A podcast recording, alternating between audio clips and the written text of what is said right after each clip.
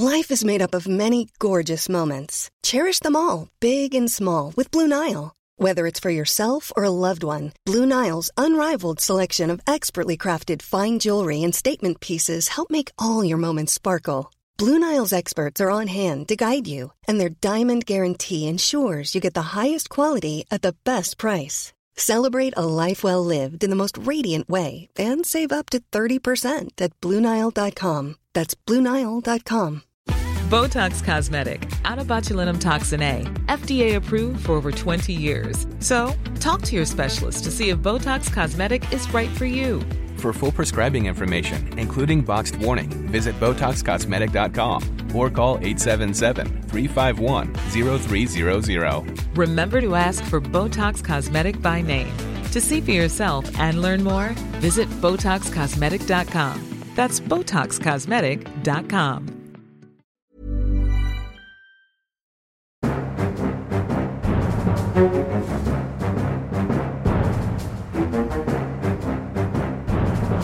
Ok, da kjører vi på med en ny episode av Aftenpodden USA. Kristina Pletten sitter og smiler i Oslo. Hvordan går det? Det går veldig fint. Eh, Ja. Jeg er nettopp kommet tilbake fra Bergen og har hatt en kjempespennende tur. Eh, Oi. og har eh, opplevd noe som man kanskje bare opplever én gang i livet. Er du spent? Jeg er kjempespent. Én Ja. gang i livet. Ja, fordi at eh, når jeg flydde til Bergen i forrige uke, så er det jo sånn som det pleier å være, at du letter fra Oslo i strålende sol og blå himmel, og så flyr du av fjellet, og så er det liksom sånn svart graut av skyer som ligger over Bergen, Så flyet dukker ned i, og så begynner det å humpe og skumpe og sånn. Men denne gangen så slo altså lynet ned i flyet som jeg satt i. Oi. Og det var helt sykt skummelt. Og det hele flykroppen ristet, og det kom et sånt stort lysblaff. Og, og jeg og noen andre, vi skrek jo selvfølgelig opp uh, i dødsangst. Mens Ja. veldig mange av de andre i flyet, de var bare sånn helt utrolig kul. De bare satt og fortsatte å spille sånn der uh, Candy Crush og liksom uh, Akkurat så lot som ingenting. Men jeg var eh, Jeg trodde at det nå var At min siste podkast var innspilt. ja, ja. Men det var i hvert fall Nå hadde jeg i hvert fall eh, Når, det, når jeg kom gjennom den, når vi kom ned, så sa eh, kapteinen at eh, eh, nå har dere opplevd det. Altså at ja, de som trodde at det, det var et, fly, et lyn som traff flyet, tok rett. Så måtte jeg selvfølgelig gå inn og, og google det da, og da viser det seg at det er ikke så sjelden, altså. Det skjer visst Men sånn det er ikke én gang anbefalt. Det er ikke anbefalt, og det, hvis du slipper å oppleve det, så tenker jeg på en måte at det er like greit, altså. Det var ikke sånn Ja. kjempegøy akkurat i øyeblikket, men etterpå er det jo litt sånn Da har man i hvert fall noe å melde, da. Og de som bare sitter og spiller videre, de har opplevd dette før. De bor i Bergen, de, altså de er vant til Ja, det er antagelig de bor i Bergen. Eller så var de veldig redd inni seg, men bare liksom eh, ville ikke vise det. Men flyet er altså bygd for å tåle det der, og, og Ja. lynet går da liksom på utsiden av flykroppen, og så går det videre enten inn i en sky, eller så slår det ned i bakken, leste jeg på Ja. nettet. Og hvis det Ja. må slå helt ned i bakken, da kommer det sånn lysglimt som eh, vi så denne gangen. Så, så det var ukens uh, spennende historie fra flytur Ukens til nær døden-opplevelse. Etter to år på hjemmekontor, Det- det- så kommer er man med sånne historier. Herregud. Ja, ikke sant? Ja. Kanskje vi må bare ha et helt annet tema i dag. Ah, ja. Anyways, anyways, jeg da, jeg har ikke så spennende ting å gjøre. Jeg har jo, som jeg sa i forrige uke, fått besøk fra Norge, endelig. ja. Så jeg har vært på musikal, jeg har vært på standup, og jeg har vært på, for første gang på veldig, veldig lenge, en stappfull nattklubb. Og da mener jeg helt sånn, helt sånn sild i tønne-nattklubb. Og jeg tenker sånn etter en sånn helg, hvis jeg ikke får covid nå, så, så får jeg det aldri. Det er, eh, det, var, det, er, det er så rart, altså, å være med så mye mennesker på et sted og sånn. Jeg ser liksom ikke for meg deg som helt sånn nattklubb-type, men eh, du kan altså være Nei, nattens jo- løve. Nei, ja, nei, jeg- nei, jeg er ikke nattens løve, altså. Men det, var, det er jo gøy å, å være med Rart å være med så mye mennesker igjen i et sånn Mm. ja, trangt, svett sted som det. Men jeg føler meg fortsatt fin og frisk, så det er nok eh, vaksinen. Gjør jobben Ja. fortsatt. Det er veldig bra. I dag så skal vi snakke om veldig mye, så vi får egentlig bare komme i gang. Vi skal snakke om USAs økonomi det er hovedtema, og da særlig denne prisveksten, eller inflasjonen, som jo står, når eh, stadig nye høyder og blir et større og større og større problem for Biden. Og vi har utsatt og utsatt, og så kom det bare liksom, ekstreme tall i forrige uke på inflasjonen, og da tenkte vi nå må vi snakke om det. Eh, og mm. Velgerne er ekstremt opptatt av det. Jeg tror noen økonomer har blitt tatt på sengen både av hvor opptatt velgerne av det, og hvor høy inflasjonen har blitt. Ja. Og så er det også kanskje en lærdom til, til norske politikere da, og andre politikere i andre land. Hele den inflasjons debatten i USA. Men vi har vår faste spalte, Kristina, først siden sist. Og den er også ganske Det bugner med saker der også denne uka. Du kan, du kan starte, du.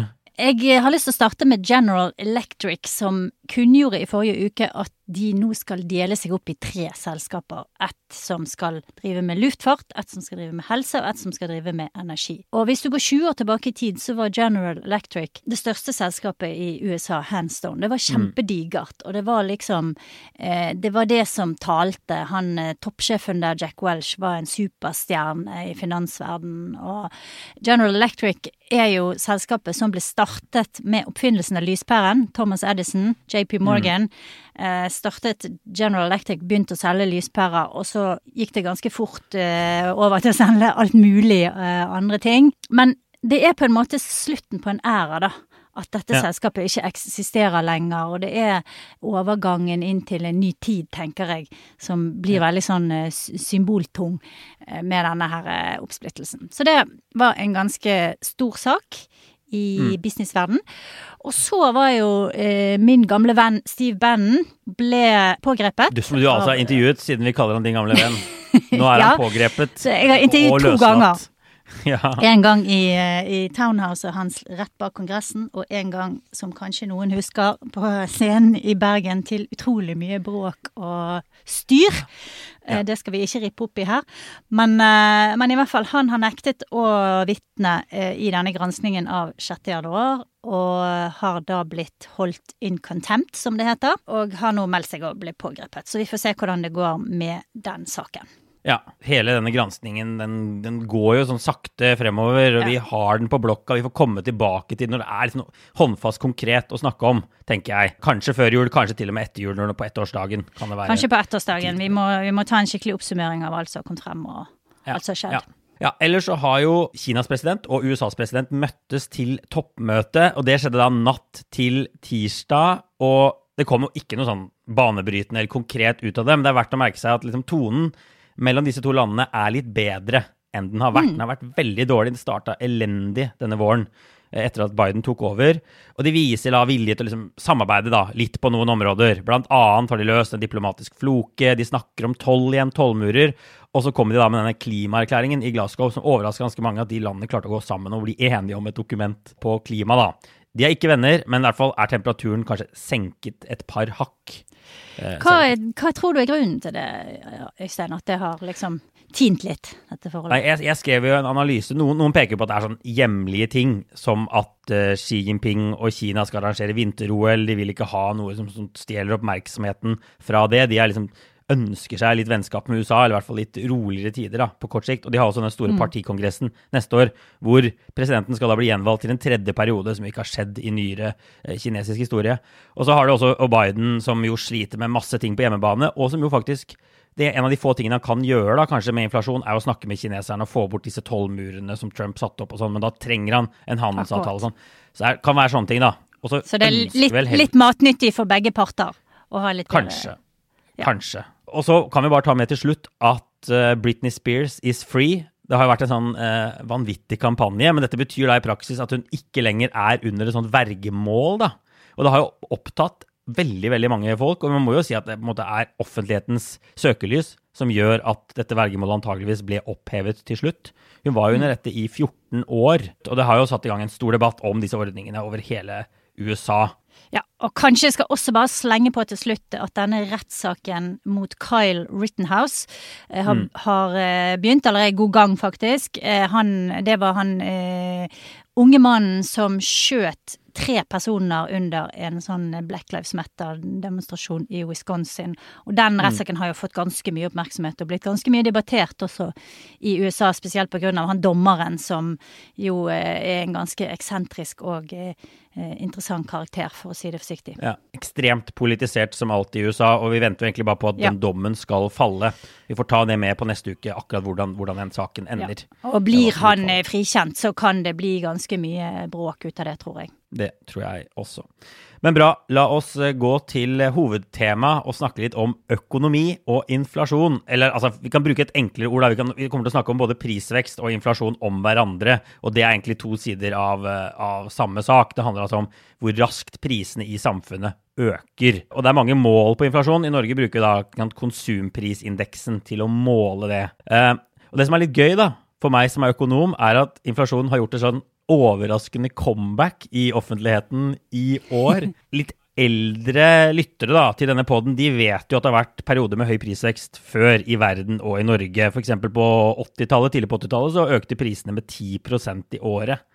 Men i mitt voksne liv, jeg er 34, så har inflasjonen nesten alltid vært stabil og ganske lav. ikke sant? Prisene har vokst med 1-2% i året. Og det har jo faktisk vært sånn at, at eh, mange steder, og særlig da i Europa, så har det vært frykt for det stikk motsatte av inflasjon. Altså at prisene skal falle, som heter deflasjon. Og det er jo liksom på en måte verre enn inflasjon, i hvert fall eh, moderat inflasjon. fordi hvis prisene begynner å falle, da slutter folk å bruke penger, de venter på at prisene skal bli enda lavere, at varene skal bli enda billigere, så stopper hele økonomien opp. Så det som har vært den store utfordringen, da, bare for å ta det til slutt, fram til nå, er jo å få inflasjonen opp. ikke sant? Sentralbanken har trykket penger, de har innført negative renter, de har gjort masse, masse ting for å få inflasjonen opp. Det gjelder også i, i USA.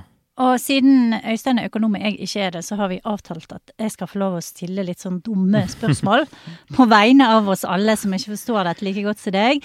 Så når du sier prisvekst og konsumprisindeks og sånne ting, sikkert det er litt fjernt for mange, så mener du da at det, de ser på en rekke forskjellige varer, ikke sant? Og så sier de at ok, du har poteter og bensin og møbler og ditt og datt, og så tar de et gjennomsnitt av det, og så ser de hvor mange prosent den stiger hver måned.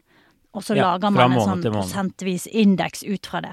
Er det riktig? Ja, ikke sant? Og konsumprisindeksen er på en måte en kurv med varer som skal reflektere hvordan en vanlig norsk husholdning bruker penger. Så mye bruker de på, på ditt og datt, ikke sant? på mat, på, på strøm, på, på bolig, leie, sånn type ting. Så bare ser de rett og slett prisen den måneden til prisen neste, så tracker de da prisen over tid og ser hvor mye de, hvor mye de øker med. Og, og som jeg sa, så, liksom, så har egentlig utfordringen vært lenge nå at, at man ikke har høy nok prisvekst. At man er i ferd med å dippe under, Hvorfor er det en null, utfordring? Nei, det er fordi, det er fordi jeg, det jeg sa, mange økonomer mener at det er sunt med litt inflasjon, og særlig hvis man begynner å nærme seg null og den deflasjons, altså prisfallnivået, så er man redd for at hele økonomien skal stoppe opp, sånn som i Europa. For hvis du vet at eh, bananer blir billigere om en uke enn det er i dag, altså at prisene faller, så vil du kanskje bare vente på å bruke penger. Så vil alle bare vente på å bruke penger.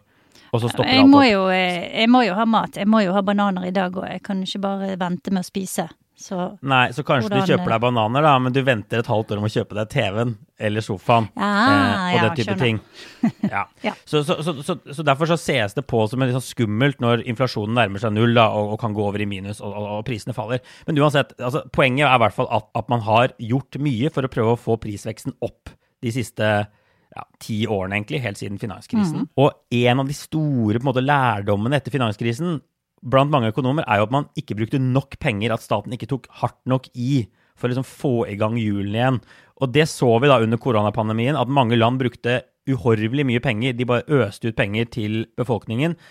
Nærmest uten noen frykt for at det ville begynne å drive prisene opp og sånn, for det er så lenge siden man har sett inflasjon. Ja, og når du snakker om finanskrisen, da snakker du om 2008-2010, Ja. når eh, Børs, sist, som eh, var sist gang økonomien kollapset, egentlig, da. Ja. Så en av lærdommene var at man må, liksom, man må tråkke til skikkelig da, for å holde økonomien i gang, for å sørge for at folk bruker penger, for å sørge for at, eh, at prisene måte har en viss stigning. Og det så vi den gangen her. Men så har det vært noen som har advart mot at hvis man bruker for mye penger, så kan prisene begynne å stige. Og så kom 2021. Og så må vi vel bare si at liksom både politikere og økonomer er blitt tatt skikkelig på senga av det vi har sett hittil i år.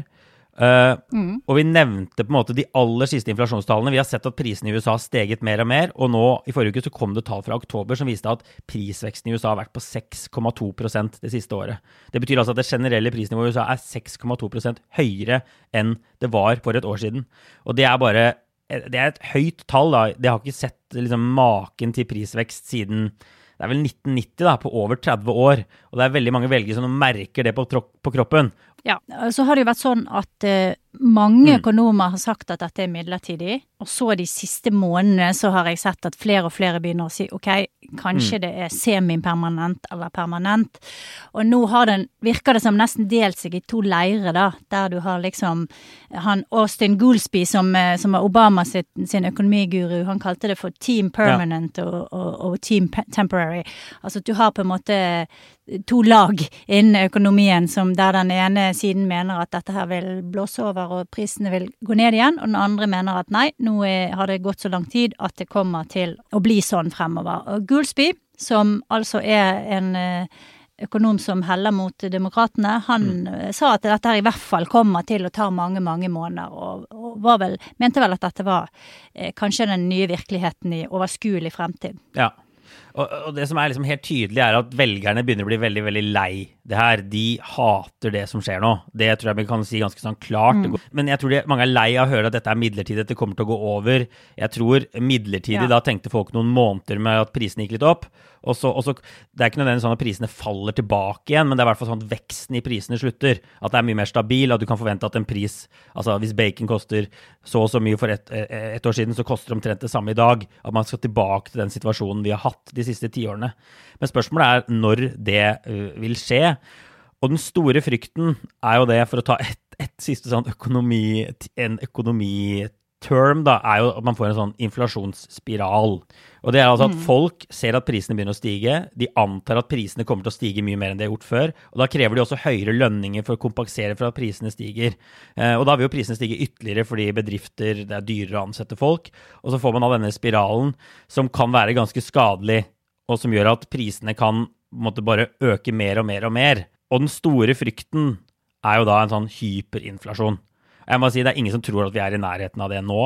Det er sånn vi så i Tyskland i mellomkrigstiden. ikke sant? Enorm prisvekst, trillebårer fulle av cash. Som har, ja, ja, ja. Det er liksom, men, men, men, men, i hvert fall en, en, litt sånn verden, da, en litt mer sånn ustabil verden, det er den store frykten. Så hvis ikke liksom sentralbankene klarer å overbevise folk om at dette er midlertidig, bare slapp av, uh, gjør som før, ikke liksom krev vanvittig mm. lønnsvekst og, og, og sånn type ting, så, så håper de dette kan blåse over. da, Men hvis man får en sånn inflasjonsspiral, så kan det liksom bli ordentlig rufsete tider. Og så tenker jeg, hvis jeg skal koke dette her ned til liksom én ting, da, så, så tenker jeg det at eh, økt inflasjon er økt usikkerhet, utrygghet. Mm. Og det er jo en del ting som har steget veldig mye i pris. F.eks. bruktbiler, ja. og vel også nye biler. Det, det, er noe av det som har, har steget mest, da. Og det er en sånn ting som, som jeg godt forstår at mange amerikanere føler en enorm utrygghet over. For hvis du da er en person som har en litt skranglete gammel bil, mm. og du trenger den bilen for alt du gjør i livet, for å komme deg på jobb, for å få ungene på skolen, ikke sant. Det er helt livsnødvendig, da. Ja. Og så tenker du ok, hvis den bilen nå bryter sammen, og det koster meg dobbelt så mye som jeg hadde tenkt, eller mer, mm. å kjøpe en, en, å erstatte den bilen, da, kjøpe en ny bruktbil, da er du liksom ille ute å kjøre, altså. Ja. Så selv om du har en jobb så, der du kanskje tjener litt mer og har fått litt penger i, i fra sånn covid-fond, eh, eh så, så, så holder jo ikke det. Det vil jo likevel øke den utryggheten som jeg tror mange amerikanere kjenner på. Ja. Uh, hele tiden, ikke sant, i hverdagen sin. Og det der er jo denne her berømte undersøkelsen etter hvert om at det, eh, jeg vet ikke, de fleste amerikanere kanskje har ikke råd til en 400 dollars krise, liksom. Uventet krise. Så da kan man jo bare tenke seg når alt blir dyrere. Så jeg, jeg forstår veldig godt at det er uh, at, at det påvirker veldig sterkt folks oppfatning av økonomien, og at det er en skikkelig vanskelig og isete vei å gå nå for Biden å komme seg ut av dette her. Ja. Altså Bruktbiler er ekstremeksempel. Jeg tror bruktbiler er den varegruppen som har steget mest i pris mm. eh, de siste årene. De, de, har steget veldig veldig mye. Og, ja. og det skyldes bl.a. at nybiler er veldig vanskelig å få tak i, som jo er en del av at vi skal komme tilbake til mer, mer om årsaken til at prisene stiger så mye. da. Eh, men du har også matvarer Og så er det olje og gass, altså fyring, som har steget mye. Og dette er jo, det siste er jo noe vi kjenner fra Europa. Det er jo internasjonale olje- og gasspriser og sånn. Eh, og jeg bare så på noen spørreundersøkelser. Det er ingen tvil om at dette her rammer mange folk. At mange oppfatter dette som, en, som en nærmest en krise i hverdagen. 65% av amerikanere sier at prisen på mat har gått opp mye det siste året ifølge The Economist. Og 55% sier at det er litt eller veldig vanskelig å få råd til mat. ikke sant? Det er ganske sånn alvorlige tall, så mange. Ja. Og så sier 89% at de er veldig eller litt bekymret for inflasjon. Som jo er uhyre mange mennesker. Det er nesten hele USA. Går rundt da og bekymrer seg over disse prisene som er på vei ut av kontroll. Ja, og det er jo lett å tenke på at det er liksom sånn at ja ja, kanskje du bare lar være å kjøpe, kjøpe litt mindre klær, eller Men dette handler jo på en måte om å få livet sitt til å gå opp, da. Ja. Og for veldig mange så handler det jo om sånn der eh, den tynne, tynne grensen mellom å f.eks. ha tak over hodet og bli hjemløs. Ja. For, en, for, en, god del amerikanere så er det liksom så dramatisk som det, da. Ja. Eh, og, og, det er Og derfor sånn kjøpekraft er helt essensielt i et sånt eh, rigget samfunn som USA, der du har så lite sikkerhetsnett. Mm. Ja. Så det blir uh, veldig mye mer skremmende for amerikanere enn det ville vært f.eks. her i Norge. Ja. Men så vil jeg gjerne snakke litt om, Vi må snakke litt om hva det er som gjør at liksom, inflasjonen er på mm. vei opp, at prisene stiger så raskt. Og Vi nevnte liksom oljepris, gasspris. Uh, det er jo liksom internasjonale priser. Dette ser vi over hele verden. Det er én liksom, pris på olje da, globalt. Eh, så, så, det har jo rett og slett med at liksom, når, når, krisa kom, så begynte de å stenge oljebrønner rundt omkring. De trodde liksom etterspørsel etter olje og gass ville være lav en stund. Og så har kanskje verdensøkonomien kommet tilbake raskere enn mange hadde trodd. Plutselig er det en voldsom etterspørsel energi, og så klarer man på en måte ikke å, å, produsere nok, og så stiger oljeprisen kraftig. Så den er ganske sånn enkel å forklare. Og så har det vært veldig mye snakk om produksjonskjeder, leveransekjeder. At de er ute av balanse pga. covid. Fabrikker i Asia som ikke er åpne pga. smittevernhensyn. Eh, det hoper seg opp med konteinere i havner. I USA er det en helt sinnssyk mangel på trailersjåfører eh, og trailere som kan kjøre varer rundt. Vi nevnte mm. biler. altså Grunnen til at det er så stor etterspørsel etter bruktbiler, er at man ikke får tak i nye biler fordi de ikke har disse chipene som de trenger til datasystemene i de nye bilene, fordi de ikke kommer fra Asia. Og så vil jeg også bare nevne at liksom, Vi har brukt penger på en helt annen måte under pandemien, som også har drevet opp prisene på en del varer. ikke sant? Normalt så bruker vi masse penger på hotell, reiser, opplevelser. Under pandemien så har vi jo nesten ikke gjort noe av det. Vi har heller brukt penger på sånn fysiske, tradisjonelle varer. Og når alle skal kjøpe seg en ny sofa, da, da, er det ikke nok sofaer, og da går prisene opp. ikke sant? Og Det er litt, litt det vi fortsatt ser her. da. Eh, effekten av at vi folk bare bruker veldig veldig mye penger på ting, og mindre på opplevelser. Og en av, eh, og en av de stedene som det har vært mye bilder fra, mye fokus på, er jo Long Beach. Denne kjempestore havnen utenfor Los Angeles. Ja. Og bare en sånn liten side note der, for jeg, eh, når jeg bodde i Los Angeles, så bodde jeg ganske nærme eh, Long Beach, så jeg var liksom ofte og kjørte rundt nede der, for det er liksom fascinerende. Utrolig stygt og industrielt område, men en kjempe, kjempe, kjempestor havn. Mm. Eh, og så i nærheten der så ligger Den norske sjømannskirken. Eh, og der kom det jo veldig masse norske sjøfolk inn. Det gjør vel det kanskje fortsatt til dels, da, men eh, det er jo verdt å stikke innom der hvis man er i LA og får med seg litt sånn norsk maritim historie. Ja. Eh, men eh, derfra går det jo da der kommer alle varene inn fra Asia, på en måte, veldig mye av det. Og så går de videre i tog ja. og i trailere utover hele USA. Og både eh, togsystemet er jo dårlig. Havnen skulle vært eh, eh, renovert og, og, bygd opp igjen bedre, som Biden ville sagt. Mm. Og så er det jo dette her med, med sjåfører, da, som, som, eh, er et stort problem. Jeg laget en sak om det allerede i tror jeg, i 2018 eller noe sånt, for dette var ja, et problem. Det har vært mangel lenge på før, sjåfører. Ja, før covid. Det har vært mangel på sjåfører. De blir, blir eldre og eldre, og yngre folk vil ikke ha de jobbene. Cool fact a crocodile can't stick out its tongue. Also, you can get health insurance for a month or just under a year in some states. United Healthcare short term insurance plans, underwritten by Golden Rule Insurance Company, offer flexible, budget friendly coverage for you. Learn more at uh1.com. Ready to pop the question? The jewelers at Bluenile.com have got sparkle down to a science with beautiful lab grown diamonds worthy of your most brilliant moments. Their lab grown diamonds are independently graded and guaranteed identical to natural diamonds, and they're ready to ship to your door. Go to Bluenile.com and use promo code LISTEN to get $50 off your purchase of $500 or more. That's code LISTEN at Bluenile.com for $50 off. Bluenile.com code LISTEN. Jeg synes vi også må snakke litt, var, Vi er jo liksom toucha inne på noe, men arbeidsmarkedet i USA er jo veldig veldig spesielt om dagen. ikke sant? Altså, Ledigheten er ganske lav, men den er ikke sånn helt på, tilbake på normalnivå. Den var veldig høy under pandemien, den har falt ganske mye. Masse folk har forsvunnet ut av arbeidsmarkedet, en del har førtidspensjonert seg og sånn. Men samtidig som vi ser at det fortsatt egentlig burde være ganske mye sånn slack i arbeidsmarkedet, det burde være liksom en ganske mye sånn etterspørsel etter jobber, så er det utrolig mange ledige jobber. Altså det har aldri vært flere ledige jobber i USA enn det er nå for øyeblikket. Og det er helt sånn, helt sånn slående da, når jeg går for eksempel nedover gata her på Manhattan, her hvor jeg bor nå, så er det nesten hver eneste bedrift søker etter arbeidskraft med mer og mer desperate sånne plakater.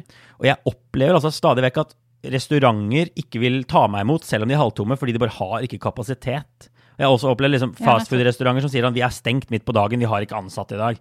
Som er en bare sånn utrolig rar situasjon. Og det er også på en måte noe av sikkert det som gjør folk litt forbanna over den økonomien som er nå. fordi vi snakket om inflasjon og at man måler at prisene stiger og sånn, men når man må stå 30 minutter i kø for å få en kaffe på Starbucks, så er det også en form for inflasjon som ikke blir målt skikkelig.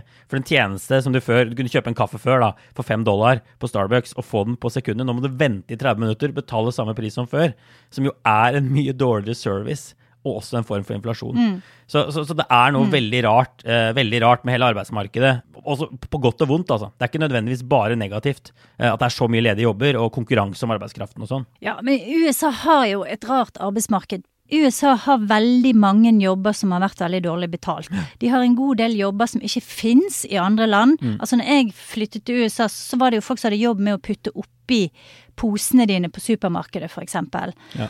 Eh, altså sto noen og bare liksom stappet maten ned i posen, ikke sant. Mm. Det har de jo kuttet ut etter hvert. Men det er fortsatt mange som har jobba med f.eks. å parkere biler.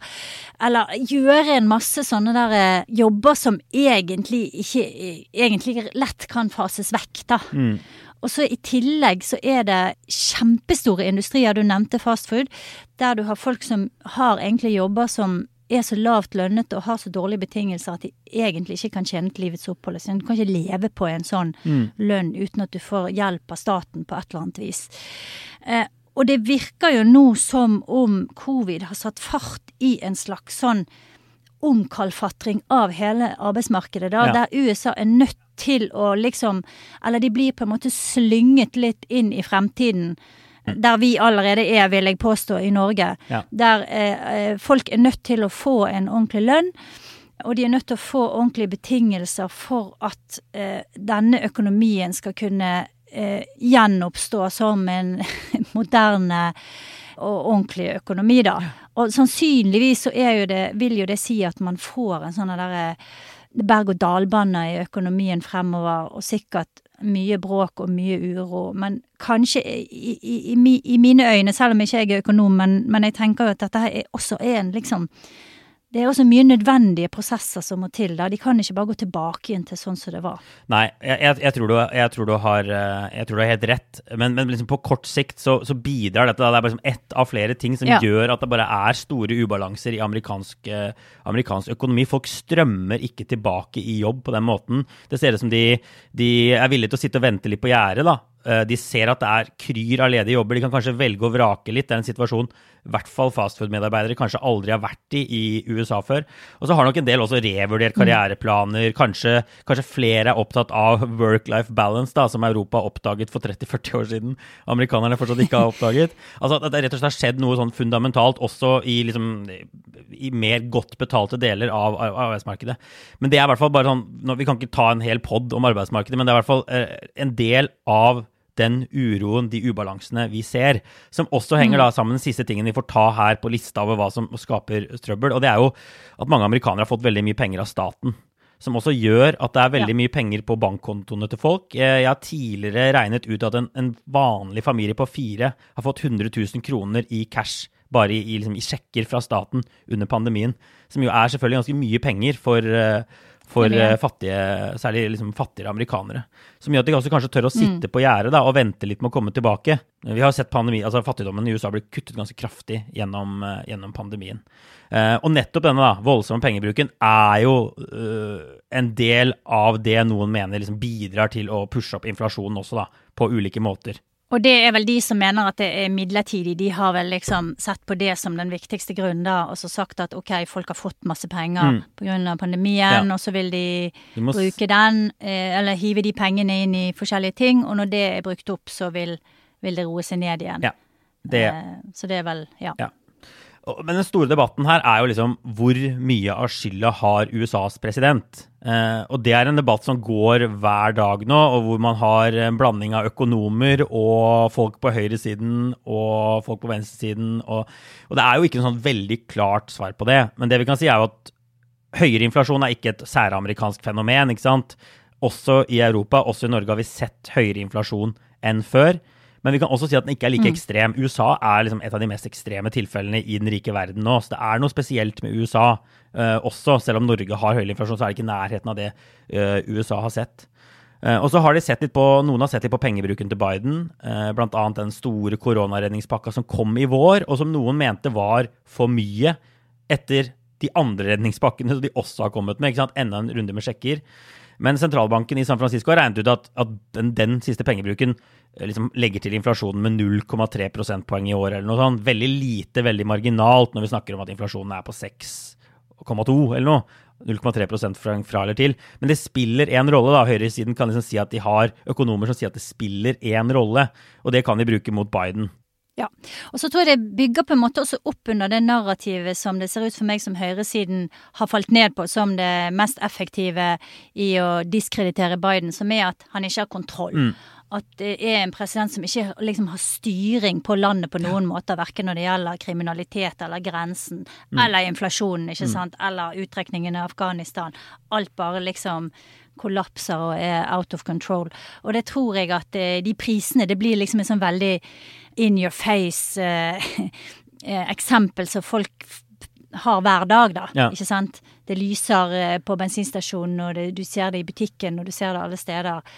Eh, disse her økende prisene. Så det, da er det veldig sånn lett for, for høyresiden og Biden-kritikerne å, å Ja. bruke det som en sånn der eh, skikkelig eh, kanon mot hans politikk. Ja, og det skal si at De har liksom jobbet med å bygge opp dette narrativet lenge. Det er ikke noe de har hoppet på nå. Og det Ja. var økonomer ikke sant? vi snakket om det allerede i vår, som advarte om at det, dere bruker for mye penger, det kan være inflasjonsdrivende. Så de, de har jobbet med dette en stund, så det har litt mer kredibilitet enn at liksom Fox News har begynt å snakke om inflasjon nå. Så, så de har Mm. litt, litt bedre litt bedre kort på hånda. Og så er det jo en tendens i USA til å gi presidenten skylda for liksom, ståa i økonomien. Det er bra, øh, en president gjør en god jobb hvis økonomien går bra, dårlig hvis økonomien går dårlig. og på en måte Sånn ville det vært både med en republikansk og en demokratisk president. Jeg bare så på noen meningsmålinger. 62 eller noe gir Biden litt, eller mye skyld, for høy inflasjon i USA. Så det er ingen tvil om at dette liksom blir klistra til presidenten, enten han vil eller ikke, da. Ja. Og så er det jo én En ting som er interessant, er jo at du har jo den her eh, andre del av det republikanske Den gamle, eh, tradisjonelle republikanske tankegangen handler jo veldig mye om dette her. Det handler om eh, forsvarlig pengebruk og, og angst for inflasjon og, og gjeld og, og egentlig økonomisk eh, ansvarlighet, ja. Ja. Og det har jo kommet sånn veldig i bakleksen på alt dette her Trump-styret og, og identitetspolitikk og innvandring og sånn. Men det kan jo nå få en slags renessanse. Ja. Så det er også noe, hvis vi ser litt fremover mot 2022-2024 spesielt, da, som, som kan være interessant hvis det kommer en sånn økonomisk konservativ republikaner og seiler opp. Ja. Jeg klarer ikke å tenke på noen akkurat nå som kan liksom ta den posisjonen. Kanskje Liz Cheney. Eh, men men det, det kan hende at det åpner et rom Ja. politisk for en sånn type politiker. Ja.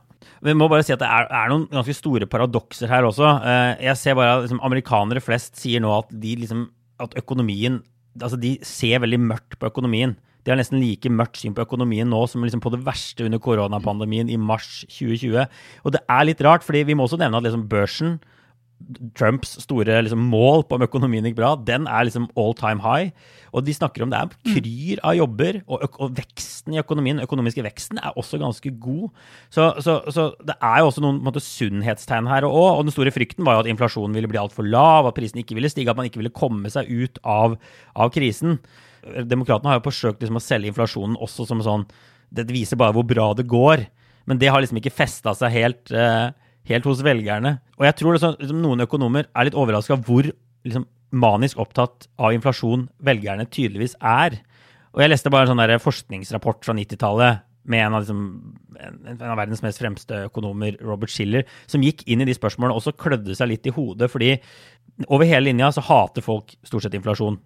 Men det er ikke sånn at inflasjon er dårlig for alle. F.eks. folk som har mye gjeld, de kan tjene på at prisene stiger dersom lønningene også går opp, for da blir liksom gjelden relativt sett mindre. Så det er ikke sånn at inflasjon bare har tapere.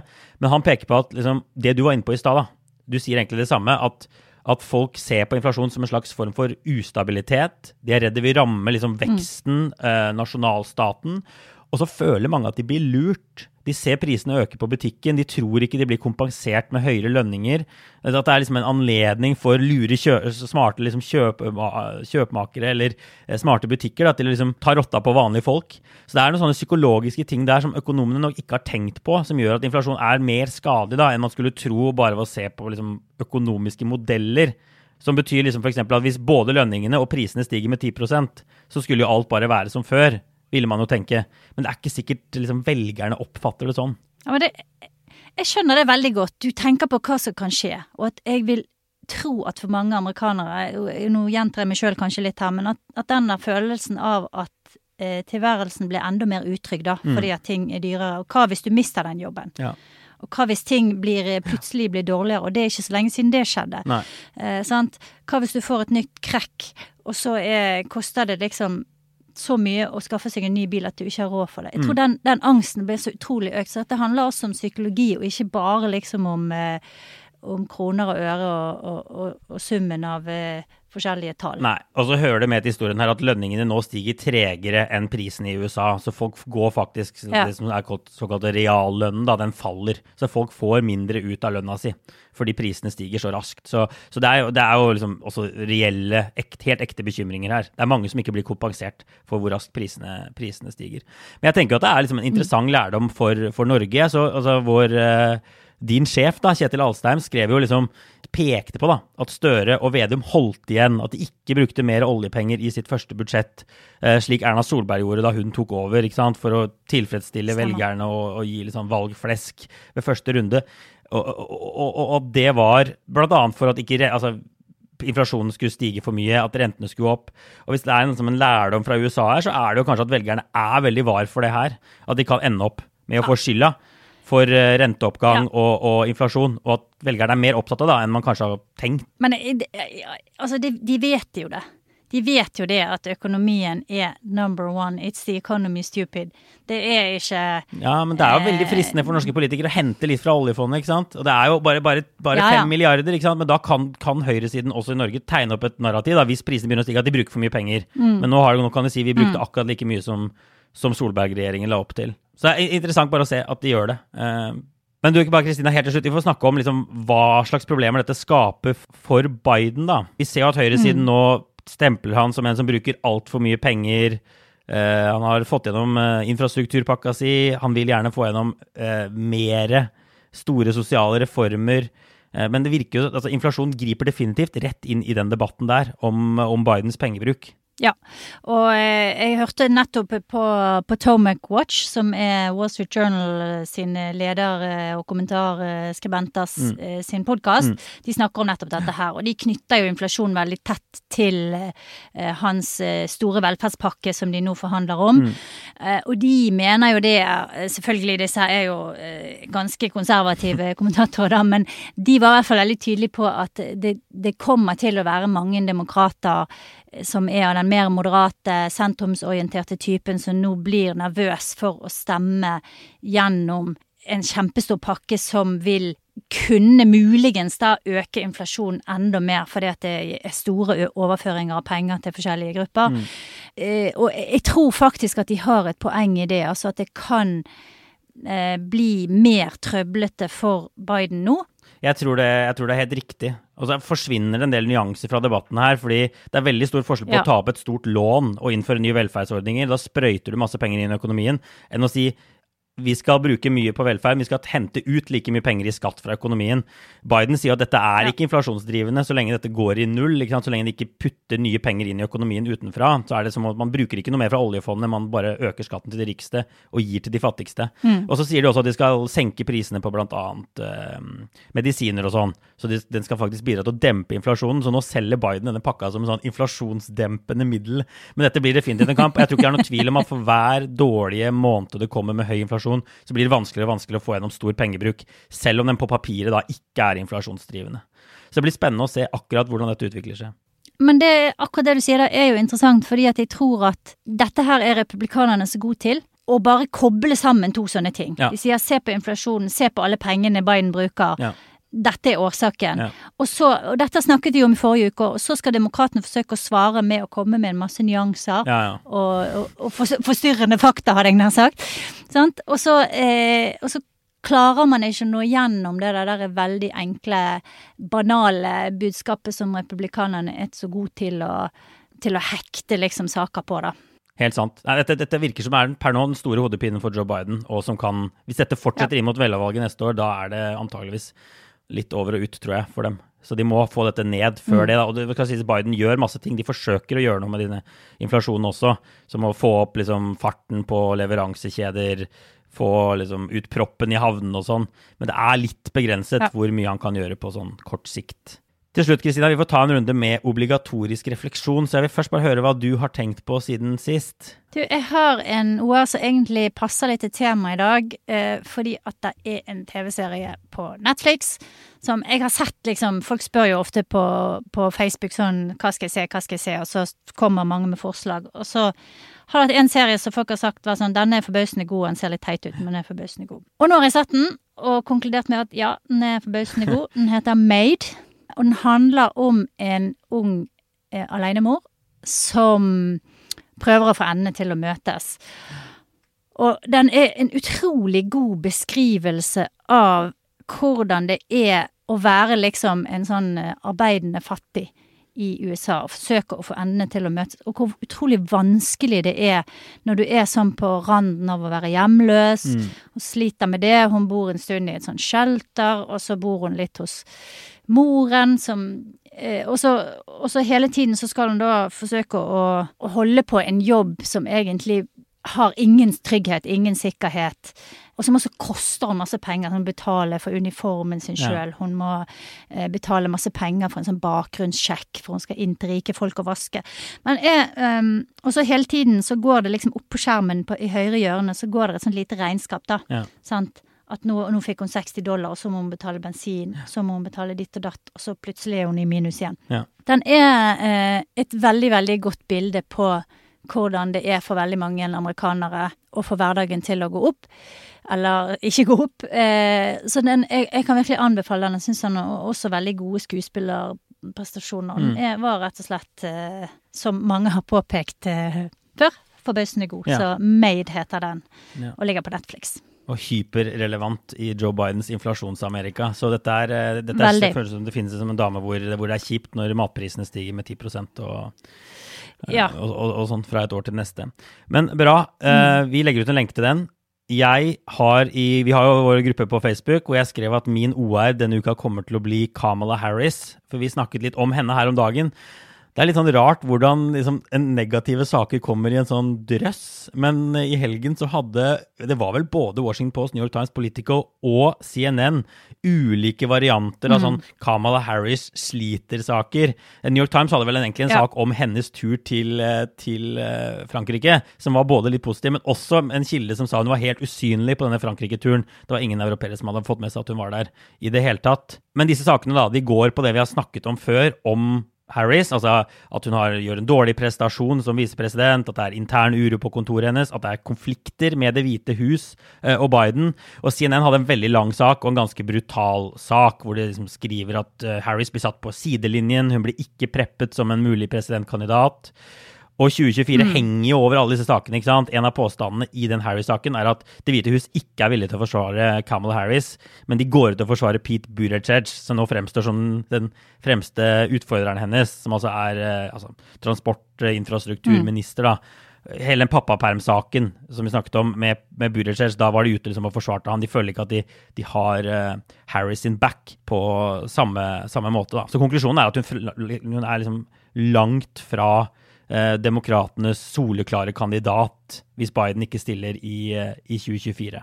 Ja, det er noe rart som har skjedd eh, med, med Harris, og jeg syns jo det er det er jo helt åpenbart at det er noen litt sånne koordinerte lekkasjer her, eller kampanjer, eller hva man skal kalle det da. Eh, Det var det jo i sommer òg, sant, når den forrige Runden var gjengen ja. med artikler Ja. Og så var det jo før Harris ble valgt, eller rundt den tiden han plukket visepresident, så var det også en del folk i Biden sin eh, krets som Mm. var kritisk til henne, og som liksom eh, kom med noe sånn drittslenging eh, anonymt. Um, så det er nok sannsynligvis en del folk ganske tett på Biden som ikke er så begeistret for Harris, og kanskje ser på henne som en ganske svak eh, avtaker, da. Og så i tillegg så har hun jo noe eh, problemer som hun har hatt med seg, både fra sin tid som eh, attorney general i California, eh, og fra valgkampen hennes, ikke minst. At hun liksom ikke Hun runs a tight ship, som det heter. At hun liksom har hatt mye rot i kulissene, og Ja. mye sånne der eh, uavklarte kommandolinjer og sånne ting som gjør at, eh, at hun ikke har vært effektiv nok, da. Ja. Men i tillegg det at hun har fått liksom en portfolio som er utrolig vanskelig Ja. å ha noe suksess med. sant? Og ansvar for disse innvandring eller krisen Rotårsaker på til innvandring. grensen. Ja. Rotårsaker til innvandring. Og liksom eh, eh, voting rights. Og sånne ting som bare er vanskelig å løse, og veldig sånn dårlig Ja. eh, PR for en visepresident. Men eh, nå skal det sies, det er, det er ikke et år ennå engang, så hun kan jo hente seg inn igjen. Hun kan få litt mer drahjelp fra Biden, mener nå jeg, da. Ja. Men hun, hun har et problem kanskje med at hun ikke har gode nok folk rundt seg. Ja. Og så er det jo de som mener at hun holdes til en annen standard fordi hun er kvinne og svart. Men det som ikke er noe tvil om, er at hun holdes til en annen standard fordi det er så mange som forventer at hun skal være neste presidentkandidaten. da. Så hun har mye mer oppmerksomhet rundt seg av den grunn. Og det er jo på en måte også riktig. Eh, det er veldig sannsynlig at hun er kandidaten i 2024 eller 2028 fordi hun er visepresident nå. Så det er jo naturlig at det er mer fokus på henne også. Det handler ikke bare om at hun er kvinne og minoritet, antageligvis. Men det er sikkert en del av bildet som gjør at Fox og disse kanalene på hele sin elsker å bruke så mye tid på, på henne. og sånne type ting. Men du, vi har laget episode om Harris før. Det går an å gå tilbake og høre på den. Eh, og så vil jeg bare si at eh, 538 har laget en sånn tracker hvor de nå kan følge utviklingen til Harris sin popularitet, akkurat som du kan følge Bidens popularitet. Og der er jo Biden veldig lav for tiden, men Harris ligger da enda noen hakk under. Og det er også noe som bekymrer eh, mange, at hun gjør det dårligere. Vesentlig dårligere enn presidenten. Det er ganske uvanlig. Ja. Men jeg- tror vi setter strek eh, der, og så er vi tilbake om en uke. Og så får alle bli med i gruppa vår, Aftenpodden USA på Facebook. Og så ses vi igjen eh, neste tirsdag. Ha det, ha det.